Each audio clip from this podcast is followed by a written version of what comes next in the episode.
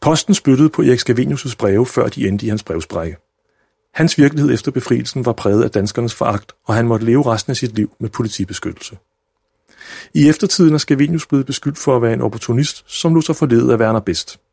I denne samtale med Bo Lidegaard om Scavenius' forhold til magt og politik i krigens rum, tegner forfatteren Birgitte Kosovic et andet billede af Danmarks tidligere udenrigs- og statsminister. Velkommen til. Nu skal det handle om øh, Erik Scavenius, og øh, det skal det, fordi at Birgitte Kosovic har skrevet ikke mindre end to bind om en mand, hun kalder Erik Scavenius. Det er en roman. Det er en historisk roman. Men det er også, eller ikke men, og det er en historisk roman, der ligger meget, meget tæt på de faktiske politiske begivenheder. Og det er også derfor, at du egentlig er her i dag som en, der har våget sig ind i det terræn, der er meget minefuldt, ja. nemlig den skønlitterære fortolkning af en meget kompliceret og meget kontroversiel historie. Mit navn er Bo Lidegaard, og nu går vi i gang med det her kapitel, og vi starter med magt. Og du må spørge om alt. Det gør Det har vi aftalt. Det er, det er aftalt. og du skal svare på alt. Alt! Øh, Jeg lover at lade være med at lyve. Vi starter med magt. Ja. Politik kommer vi til kvinder. Ja, okay. Øhm, men altså, øh, historien om Scavenius er jo, at han var en gammel, sur mand, der for længst var gået på pension, som sad øh, og grumpede øh, øh, øh, som formand for politikken, og som overhovedet ikke ville have noget med politik at gøre, indtil politikerne og kongen ja. til sidst tryllede ham om at blive udenrigsminister. ja. Er det også sådan, du ser ham? Ja, det er det faktisk. Så han ville slet ikke. Nå, det er det, du går efter. Ja, altså, hvor, hvad, hvad, hvad var det, der fik Scavenius til at sige ja, Ja. i virkeligheden i 1940? For noget, til noget, som han jo vidste var Ja. Altså på det her tidspunkt, der er Scavenius en mand, som ikke har været aktiv i politik i mange år. Og øh, han er formand for bestyrelsen i Politikens Hus. Han er en lidt ældre mand, han er jo fra 1877. Og øh, det han Tak. har at se frem til, undskyld Bo, øhm, forfattere tager sig jo alle mulige friheder, det ved du godt, det er ikke personligt. Men øh, hvad har han egentlig at se frem til her i 1940? Ikke så meget. Han skal trække sig tilbage om ikke så lang tid. Han skal trække sig tilbage til, til livet med sin kone Emma, som er otte år ældre end ham, og de bor i Lundtofte nord for København. Og øh, jeg tror, altså som romanforfatter, der er jeg jo selvfølgelig interesseret i ham både som politiker og som menneske. Og jeg, jeg, jeg, altså politisk, der ved vi jo godt, at der er nogle overvejelser, han har, som jo selvfølgelig handler om, at de alle sammen siger, jamen du er den eneste, der kan gøre det. Og, øh, og så siger han, jamen jeg er ikke den eneste, der kan gøre det, fordi jeg har faktisk, altså du gjorde det før dengang under Første Verdenskrig, og alle dem, du kender fra den gang og så videre. Men, men sagen er den, at, at Nazi-Tyskland er jo et fuldstændig andet Tyskland, øh, end det, som Skavenius kender fra Første Verdenskrig. Nazi-Tyskland er jo... Altså, alle, de, alle dem, han kender, de er der slet ikke mere, fordi det her, det er jo i virkeligheden meget moderne. Øh, den måde, man organiserer ting på, altså det er jo, det er jo øh, organiseret efter førerprincippet, så enhver kan jo sådan set slå sig selv op som fører inden for et eller andet geografisk eller byråkratisk domæne. Det er jo ikke længere arv og titler på den måde, der, der bliver givet videre med blodets bånd, og, øh, og, øh, og, og, og, og, og så er det jo også, altså i bedste konkurrencestat, øh, er det jo også sådan, at der altid står nogen ude i kulissen og er parat til at tage over, hvis føreren ikke er god nok inden for domænet. Men det er bare lige for at sige, at det er et helt andet Tyskland, Skavenius møder nu. Og han har faktisk været dernede og sonderet terrænet. Han kan bare sige, at alle dem, jeg kendte fra den gang, de er væk. Så det er ikke det, der ligesom skal, kan gøre udfaldet. Men jeg tror, som romanforfatter, der peger jeg selvfølgelig på nogle forskellige ting. Det her, det ved vi. Øh, vi ved også, at Scavenius, han havde ikke nogen forventning om, at han skulle redde landet. Han skulle kun udskyde sammenbruddet. Øh, og det er måske også noget af det, som når vi vurderer ham, at vi skal vurdere ham inden for den præmis også selvfølgelig. Øh, men jeg peger så også på nogle personlige ting i ham, fordi når vi læser historier og ser film, så, så gør vi det jo også, fordi vi gerne vil have noget at vide om vores eget liv. Vi går jo alle sammen og tænker, har jeg givet nok, har jeg fået nok øh, i det her liv, lykkes det eller, eller ej? Og øh, hvordan håndterer jeg det, som ikke er lykkedes? Og det er jo også de ting, som jeg vil have, Skavenius skal svare på for os. Og øh, jeg peger på i hans private jo også, altså hans private svar, at det også selvfølgelig i et eller andet omfang også kan handle om forfængelighed. Altså her står kongen, her står Stavning, her står alle de andre ministre, de siger alle sammen, du er den eneste, der kan gøre det. Øh, jeg tror også, at han har været et menneske, som er blevet vitaliseret af at befinde sig i det her krigens rum, øh, der hvor alt kan gå galt, eller godt. Øh, og og det, det, det tror jeg er en del af det, men, men, men når du spørger mig om det med magten som sådan, altså det er rigtigt nok, at jeg lader også Scavenius mange gange have nogle oplevelser af, at han ligesom, jeg vil ikke sige, at han føler sig som et offer for begivenhederne, men i hvert fald har en oplevelse også af noget magtesløshed. Og det er måske også en side af Skevenius, som vi og I historikere ikke er så opmærksomme på, fordi han jo er mest kendt for at være den der sure mand, som igen og igen truede ministerne med at gå af, og så ville det hele jo kollapse, og, og, og meget sådan en dramatisk mand, der, der farer hen og tager i håndtaget og siger, fandme, hvis det er det, I vil sige til Werner Bedst, så kan I bare selv gøre det, fordi når jeg forlader det her lokale, så er jeg ikke længere udenrigsminister, så må I selv klare det. Og jeg må jo så også indrømme, at når jeg sidder og kigger på alle de her mødereferater, og ser, hvad det er for nogle kampe, der er blevet kæmpet hen over bordet, my man. så, jamen, så kan jeg virkelig godt forstå ham. Altså, så, så det er jo ikke bare en, en, en galning, der ligesom render rundt, men jeg ser også hans afmagt midt i det hele, fordi han er jo ikke magtfuld i virkeligheden. Han er jo en mand, som ligesom resten af Danmark står i den stilling, at tyskerne kan gøre lige, hvad de vil. Ikke? Så hvad så? Det er jo det, der er spørgsmålet. Kan man forestille sig, at han er noget så uskaveniusk som en patriot, der gør det, fordi ikke bare de andre siger, at han, han er den eneste, der kan, men han faktisk selv er overbevist om, at han er den eneste, der kan. Jeg kunne godt forestille mig også, at det faktisk, altså det, jeg lader ham jo også lidt tænke tanken nogle gange, øh, og, og hans kone Emma øh, går ham jo også på klingen med det, om, om han er den eneste, der kan. Altså man kan jo sige, at politikerne, eller parlamentarikerne, som det jo hed dengang, det er jo grundlæggende et andet rum end krigens rum. Og det er også derfor, jeg synes, Scavenius er interessant, fordi han taler ud fra et andet, en anden præmis Øh, og det gør han sådan set både politisk og personligt, og det kan vi jo måske vende tilbage til. Det er derfor, jeg synes, han er så interessant og har så meget at sige til os, til trods for, eller lige netop fordi han er så anderledes end os. Men han er jo anderledes end de andre politikere, fordi i politik, der er man jo i et rum, sådan groft sagt, hvor at man beskytter sine modstandere imod sit eget vanvid. Ikke? Man, man vil lade sin modstander tale, og man vil lytte, og vi går efter at finde de fælles bedste løsninger, og hvis vi tager fejl, så er der ikke nogen, der dør af det, og vi har tid til det hele, og bagefter kan vi evaluere, så kan vi rette op på skaderne, hvis det, er, det ikke er lykkedes. I krigens rum, der er det jo helt anderledes. Tingene skal gå hurtigt.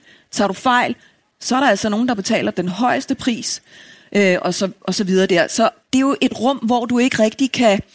Du skal jo frafalde dine bedste idealer, alle de idealer, som vi jo har i dag, og som hele vores samfund er, er indrettet efter, humanistiske velfærdsidealer, som jo også er mine idealer, men som jo bare ikke fungerer i en situation, hvor du står foran en fjende, som jo ikke vil beskytte dig imod sit eget vanvid, men tværtimod opererer med dødsvold som en del af forhandlingen. Og så bliver alting alvorligt på en anden måde jo. Og det ser jeg Scavenius som en mand, der havde en, en baggrund for måske ikke bare sådan kvæg, at han trods alt var ældre end de fleste andre jo, men, men også fordi, at han jo øh, kom fra en adelsslægt, og, og jeg også meget ser ham som en repræsentant for det bliksenske, jeg vil kende dig på din maske, som jo faktisk også er et krigerideal, dybest set.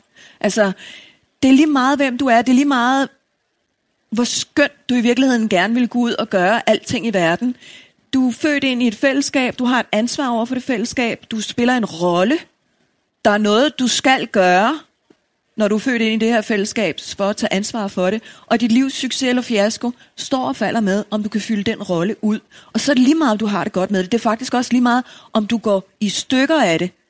Og det er jo det, er jo det bliksenske, jeg vil kende dig på din maske. Det skal du kunne leve op til. Og det er jo ikke et demokratisk ideal, faktisk. Fordi vores ideal i dag, det er jo, at der skal være overensstemmelse mellem det indre og det ydre. Og det var også det, der var, det var, også det, der var i gangsætteren for mig i virkeligheden. Fordi det, der startede med at fange min interesse ved Skavenius, undskyld, jeg snakker så meget på. Det, det er så lidt, Jeg det elsker godt. det, men, altså, men, men, men det var jo det, som, som var øh, i gangsætteren for mig, det var jo, at, at det var jo slet ikke det politiske. Altså, jeg, jeg faldt over den her mand, som jo simpelthen mere, at vi, vi oplever det jo alle sammen i disse Facebook-tider, ikke? Vi oplever alle sammen nogle gange, at vi træder ud i, i det semi-offentlige eller fuldoffentlige rum, og så risikerer vi at få en shitstorm, og så bliver vi vildt rystet, og folk, der ikke har prøvet det så mange gange, de, åh, og tænk engang, og sådan, jamen sådan er det bare. Det er bare sådan, det er. Og, øh, og, øh, og, og det oplever vi jo også i vores privatliv og på arbejdspladser og alle mulige steder, at det, som er vores indre billede, det vi ser, og vores gode intentioner, og det vi ser af os selv, det er ikke det, der bliver set udefra. Der er altså et sammenstød her, og de to billeder kollapser jo fuldstændig for Scavenius. Han lever jo resten af sit liv med politibeskyttelse. Han lever med, at når posten bliver afleveret ude i, i postkassen, jamen, så har postbudene jo spyttet på hans breve, og hver gang han skal ud og lufte hunden og går gennem øh, havelågen ude i, i Gentofte, hvor han bor, jamen så er det jo sådan, at, at langt de fleste af de mennesker, der kommer imod ham på gader og stræder, de kan jo genkende ham, de ved, hvem han er, og de fleste af dem kan jo altså ikke lide ham. Det er foragt, han møder i deres ansigter, og det var det, der var i gangsætteren for mig. Hvordan håndterer man det her totale sammenstød. Og det blev jo så også til en historie om Danmark i virkeligheden i vores finest eller worst hour, alt efter øh, temperament, fordi hvis jeg skulle forklare hans øh, håndtering af udskamningen, og måske også sin egen skamfølelse, den kan man jo så diskutere, man havde. Men så måtte man jo også forstå, hvor, hvorfor han havde gjort, hvad han havde gjort. Og på den måde, så blev det almenmenneskelige jo lige med øh, det politiske. Men det er jo næsten som om, når du fortæller om det, så er den også med den entusiasme, at du får tegnet et portræt af en mand, der i virkeligheden er det stik modsatte af den, det, som klichéen siger, nemlig en opportunist, som ikke forstod den virkelige karakter, det han var op imod, ikke forstod nazismen, øh, som lod sig forføre og, og, og, og, og narre re, øh, reelt af, af Werner Best, altså den tyske rigsbefuldmægtige, og som kom en hård spred fra at forråde Danmark, øh, fordi han ikke forstod, Ja. og fordi at han stedigt vedblev at føre tyskerkursen på et tidspunkt, hvor det var modstanden, der var kort for.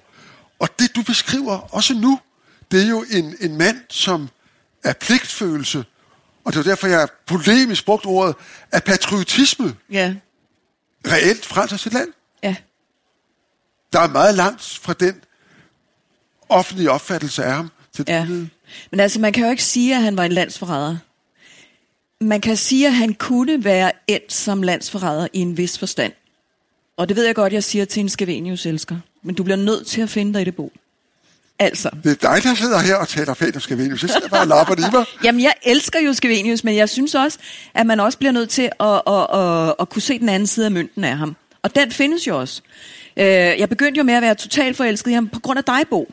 Ikke? For eksempel. Ikke? Jeg havde jo læst alt, hvad du havde skrevet om ham, ikke? og andre også. Og jeg var godt klar over, at hvis jeg skulle skrive en god bog, og jeg, hvis jeg skulle skrive altså, god litteratur og kunst, hvis jeg skulle skrive om et menneske, som kunne tale og svare på de svære spørgsmål i mit eget liv og i alle jeres liv, så kunne jeg ikke bare skrive et glansbillede. Det var svært for mig at finde nogen, som øh, på en gang vidste noget om ham, og som samtidig også kunne være meget kritisk over for ham. Og det nærmeste, jeg kom, var faktisk Bent Blytnikov, som jeg godt ved, at nogen elsker og andre hader. Øh, jeg holder meget af ham. Han sagde jo en ting, som var sand, og det var jo, ja, Begitte, men hvad nu, hvis alle havde gjort som Danmark? Og det skal vi altså huske på, når vi kigger på Skavenius og på os selv og den historie. Altså, en landsforræder er jo en person, som handler imod sit lands interesser. Og det kan man ikke sige, at han bare gjorde. Han, han, han stod jo også på fredens og frihedens side, og ikke kun på danskernes side, men også på fredens og frihedens side i den forstand, at han forsøgte at beskytte de tolerante imod de intolerante. Så langt, så godt. Danmark var af helt gode, rationelle grunde uden et særligt stort forsvar. Og derfor betragter jeg faktisk mere alt det, der skete med Skavenius og Danmark under besættelsen som en tragedie, mere end som en, hvad skal man sige, jeg har ikke en moralsk dom over Skavenius og Danmark fra den periode, men jeg synes på den anden side også, at vi bliver nødt til at vedkende os, at der var et moralsk ansvar, som vi ikke løftede. og som Skevenius ikke løftede, kvæg den politik, og kvæg den situation, vi stod i. Og det, kunne man, det kan man godt tage med, men jeg vil lige gøre mit synspunkt om landsforræderi færdig, fordi det er rigtigt nok, at Skavenius' politik og dansk politik under besættelsen for eksempel redde mange jøders, danske jøders liv, men det var jo også på bekostning af andre jøders liv, for vi forhindrede jo ikke den tyske krigsmaskine i at rulle sig ud i 4., 5., 6. potens. Vi redde en masse danske unge mænds liv 9. april, men det var jo så på bekostning for eksempel af unge amerikanske mænds liv på D-Day. Hvorfor var det nogle andre, der skulle ofre sig for vores frihed? Et år efter, at Danmark blev besat, stod de i Jugoslavien, min fars vemodige hjemland, i fuldstændig samme situation som os. Men da regeringen kapitulerede, så begyndte folk at demonstrere i gaderne, og man kan godt sige, at det var også orkestreret af militæret, men der var faktisk en befolkning, som kunne gribe budskabet og reagere på det. Og de vidste ligesom os, det vil blive en kort kamp, vi vil tabe, masser af blod vil blive udgydt, hvad skal det nytte? De gjorde det alligevel, og resultatet var jo, at øh, angrebet på Sovjetunionen blev forsinket med tre måneder. Den tyske krigsmaskine nåede ikke så langt mod øst. De fik ikke adgang til olieraffinaderier, bla bla bla. Det var med til at svække Tyskland. Og man kan jo sige, at det var meget primitivt, hvad de gjorde i Jugoslavien. De forsvarede sig jo bare, fordi sådan gjorde man ikke. Det var mere rationelt i Danmark, men det tjente en mere nobel sag, hvad de gjorde dernede. Og bare lige for at gøre den færdig. Hvis Tyskland havde vundet, og det var jo selvfølgelig det, som var forventningen, og så kunne man sige, så var der ikke andet at gøre, end det Skavenius gjorde. Men hvis Tyskland havde vundet, og det er jo det, Skavenius står i en situation, hvor han på en gang er landsforræder og ikke er landsforræder, fordi Danmark kan ikke forsvare sig. Der er kun muligheden for at udskyde sammenbruddet, og det er det, han gør.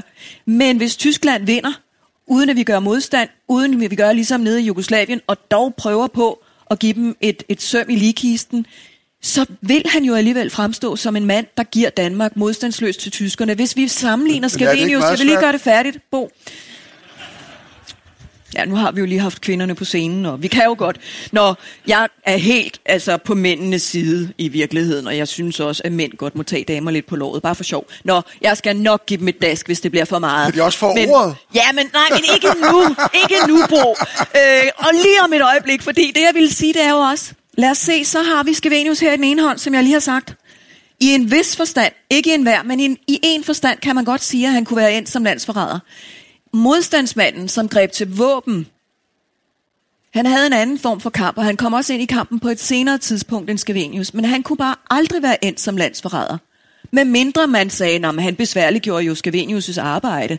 Det gjorde han jo, og det var landsforræderi. Men, men jeg vil sige, Skevenius kunne, kunne i en vis forstand ende som landsforræder. Det kunne modstandsmanden ikke. Heller ikke, selvom han var overvist stalinist, og til hver en tid ville støtte jo, en, men, men det, en, det er en og anden. det var jo rigtig mange. Men det er alligevel en anden. Ja. Og det er noget andet. Åh, Bo, altså, du stiller noget irriterende spørgsmål lige nu, synes Men, jeg godt men, nok. men i virkeligheden, i virkeligheden er det ikke det, vi skal diskutere, fordi du er i gang med den store eksegese omkring øh, kamp Jamen, eller modstand jamen, før bare- Skavenius. Jamen- Og i virkeligheden, så vil jeg meget hellere hen til Skavenius selv, fordi han var jo ikke en lod eller del i, om vi kæmpede den 9. april eller ikke kæmpede den 9. april. Og som du jo også beskriver, så fører han jo politikernes politik fra først til sidst. Ja. Øh, øh, og dermed, i min bog, er man jo på definition ikke landsforræder, fordi man fører den politik, de folkevalgte gerne vil føre. Ja. Så kan vi så mene 70 år efter, om det var klogt eller dumt, men det er lidt en anden diskussion. Men det, jeg vil tilbage til, det var det, jeg startede med, nemlig, hvad driver ham? Fordi normalt, så er han jo blevet portrætteret som om, at han er en mand, som lader sig overtale mod sin vilje, og så drives han egentlig af sin egen, kan man sige, statsræson. Øh, hvad, er det, hvad er det næste kloge skræktræk at gøre, og der er ikke så meget moral, der er ikke så meget... Øh, altså, det er, han er en, en slags sådan øh, udenrigspolitisk analytiker, som nu sidder som udenrigsminister og statsminister, og bare forsøger at manøvrere igennem, udskyde sambrud, som du siger, og øh, det kunne så have ført til, at vi var kommet alt for langt i retning af at gøre, som tyskerne egentlig gerne ville. Men i virkeligheden, det du startede med at sige her, det var jo en mand, der drives af noget mere end det, af noget andet end det, som egentlig meget følelsesmæssigt tænker, hvad er det rigtige for mig at gøre nu? Hvad er min pligt? Ja, Og så er mit spørgsmål, min pligt over for hvad? ja, Over for hvem? Fordi forfængeligheden har været der, mm. det er det jo med alle. ja, ja. Også alle mænd. Lad os nu bare være enige om det, ikke? Så det, og men vi er ikke enige om det, vil jeg så sige. øh, men, men, lad, lad, men lad os lige, det, det er der selvfølgelig. Men hvem er det, han føler sig forpligtet overfor? Kan det være så paradoxalt, at det er kongeriget? Jamen, jeg tror, Personen- han, jeg tror, at han føler sig forpligtet over for det danske folk, og egentlig ikke sådan specielt, hvad skal man sige, forpligtet over for demokratiet, eller jeg tror, jeg ser ham som helt fri af alle ideologier. Og på den måde er han jo sådan meget sådan, igen, bliksensk. Det er sådan, jeg ser ham. Altså, du er dansker, og det er det danske folk, og det er dit folk, og det er ligegyldigt, hvilken statsform form det her er. Du har et ansvar over for de her mennesker, som du har et fællesskab med. Hvis du godt kan lide at se ham sådan, ja. det kan jeg også godt lide, Ja, så er der jo en forklaring, vi ikke tager fat på, som jo er, at han, ligesom alle andre politikere, som han jo var dybest set, selvom han var gået på pension, også drives af det, som jo gælder folk, der kommer helt til tops i politik, at de vil gerne. Ja. Og de vil gerne have den. Ja. Og der er jo ikke nogen, der får magten. Magt er ikke noget, man får. Magt er noget, man tager. øhm, Ja. Det er noget, man tager. Det er noget, man kæmper for. Og, I, og I- vi hører jo altid politikerne sige, ja, men jeg følte mig kaldet til, og jeg var nødt til, at der var ikke andre, der kunne. Men det var der jo ikke, fordi at du har dolket den ene og kvælt den anden, og holdt den tredje væk ved en pude, ikke? Og så var der ligesom ikke andre i det øjeblik, og så kunne du selv træde frem. Det er jo sådan, man får magten. Mm-hmm. Var det sådan, det var i virkeligheden? Jo, men tror du ikke også alligevel, at nu snakker du meget om magt som et mål i sig selv. Men tror du ikke også, at mange politikere rent faktisk synes, at der er noget, der er rigtigt, og noget, der er forkert? Der er noget, der er bedre i hvert fald end noget andet. Jo. Og det er faktisk vigtigt for dem. Altså nu har jeg jo selv i de her år, hvor jeg har skrevet på Skavenius, fået mange af de samme dilemmaer dybt ind på livet i forhold til, hvor meget af din fred vil du opgive for friheden, ikke? og hvor meget af din frihed vil du opgive for freden, fordi jeg har deltaget i debatter om ytringsfrihed, og jeg har været på ytringsfrihedens side selv dengang, da det blev anset for at være nærmest fascistisk. Ikke? Øh, og, øh, og det er jo også faktisk, altså, og, og tør du at stille dig frem og sige noget, fordi du risikerer faktisk måske at blive slået ihjel. Det er faktisk det, det også handler om. Ikke? Og der, der må jeg da sige, at når jeg ser på mig selv i forhold til det, og de ting, jeg går ud og siger der, der er faktisk nogle ting, som jeg vil ikke gå på kompromis med i forhold til vores øh, liberale demokrati. Og, og, øh, altså, og der har jeg det bare sådan, jeg kan godt mærke den motor i mig selv, hvor det er, at jeg mm, har svært ved at holde mig selv tilbage, at jeg må frem. Samtidig med, at jeg er rigtig, rigtig bange, faktisk. Altså, jeg er selvfølgelig bange for andres øh, vrede imod mig og, og had og alt det der, men jeg er også bange for noget, der er værre end det. Ikke? Og det, det, kan, det, det tror jeg bare også er en del, og, og det har det også været for Skavenius. Tror du, han var bange? Jeg ved, det er noget, det vi er uenige om. Tror du, han var bange? Ja, altså jeg tror, jeg tror forskellige ting. Og Bo, du bliver nødt til at finde dig i, jeg kommer med et lidt langt svar, altså fordi... Det bliver jeg det sidste, dine sidste ord. Oh. Ikke livet, men i dag. Nej, det er forfærdeligt, godt altså, for jeg har stadigvæk meget at sige, men, men jeg tror bare, ja, ja, jeg tror også, at han nogle gange har været bange. Altså, fordi jeg, jeg tror ikke, der er nogen mennesker, der er endimensionelle, og det kan vi godt lide at, ligesom at gøre dem til, men det har han heller ikke været. Han har også været en krop, han har også været, han har også været en, der har været inde og skulle kæmpe de her daglige kampe med tyskerne og med danskerne, altså med ministerne og sådan noget. Altså, selvfølgelig har han været nede i detaljerne, der har han ikke været bange, når han har siddet der, men han har da selvfølgelig haft en kolossal bekymring, altså, og dermed også han også været bange. Jeg tror også, at da han gik fra sit hjem og til Amalienborg på befrielsesdagen, ikke? jeg tror, altså det der med, at han har selvfølgelig været vred og bare tænkt, okay, hvis I mener, jeg er sådan en landsforræder, hvis I mener det, så kom bare og skyd mig. Kom bare, kom bare. Jeg tager det på mig. Ikke? Ja, han, har, han, har haft, han har været så vred, at hans vrede har været større end hans frygt. Men jeg tror da også, at han, når, når sådan høje stemmer er slået op omkring ham, eller et eller andet, mens han har gået den tur, at så har han også været en krop, som også har reageret og, og, og, og sådan instinktivt øh, kropslig frygt, tror jeg også, han har følt. Altså, jeg, jeg tror ikke bare, at han var sådan en skabelon overhovedet ikke. Men jeg vil bare sige, at og nu har jeg jo ikke så lang tid tilbage, men jeg vil bare sige, at det her er jo også en kærlighedsroman, og det er en historie om kærlighed, og det er en historie om, hvordan mange af de samme konflikter gør sig gældende i politik og i vores privatliv, fordi vi lever jo i et samfund, hvor vi har velfærdshumanistiske idealer, som jo også er mine egne, øh, og som jo handler om, at der skal være overensstemmelse mellem det indre og det ydre, og at vi skal have det godt, og vi skal blive til det bedste og det mest potentielt bedste af os selv. Men det er jo sandt, selvom det lyder som en floskel, at det lige netop er i krig og i kærlighed, at vi møder noget uden for os selv, som ikke bare er til for, at vi skal være i overensstemmelse med os selv hele vejen igennem, og vi skal have det godt. Og, og, og hvordan håndterer vi det, uden at det bliver til en forræderifortælling?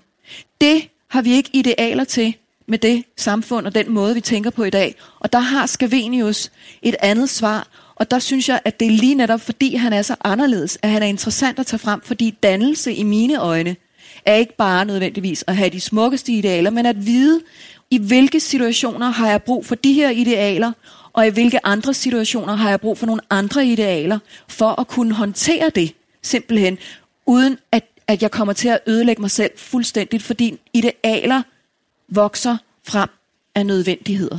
Og det, det gør de i vores privatliv, og det gør de i politik. Og det skal vi forstå, og det siger han.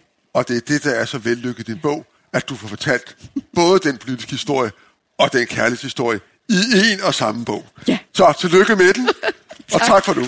Tak.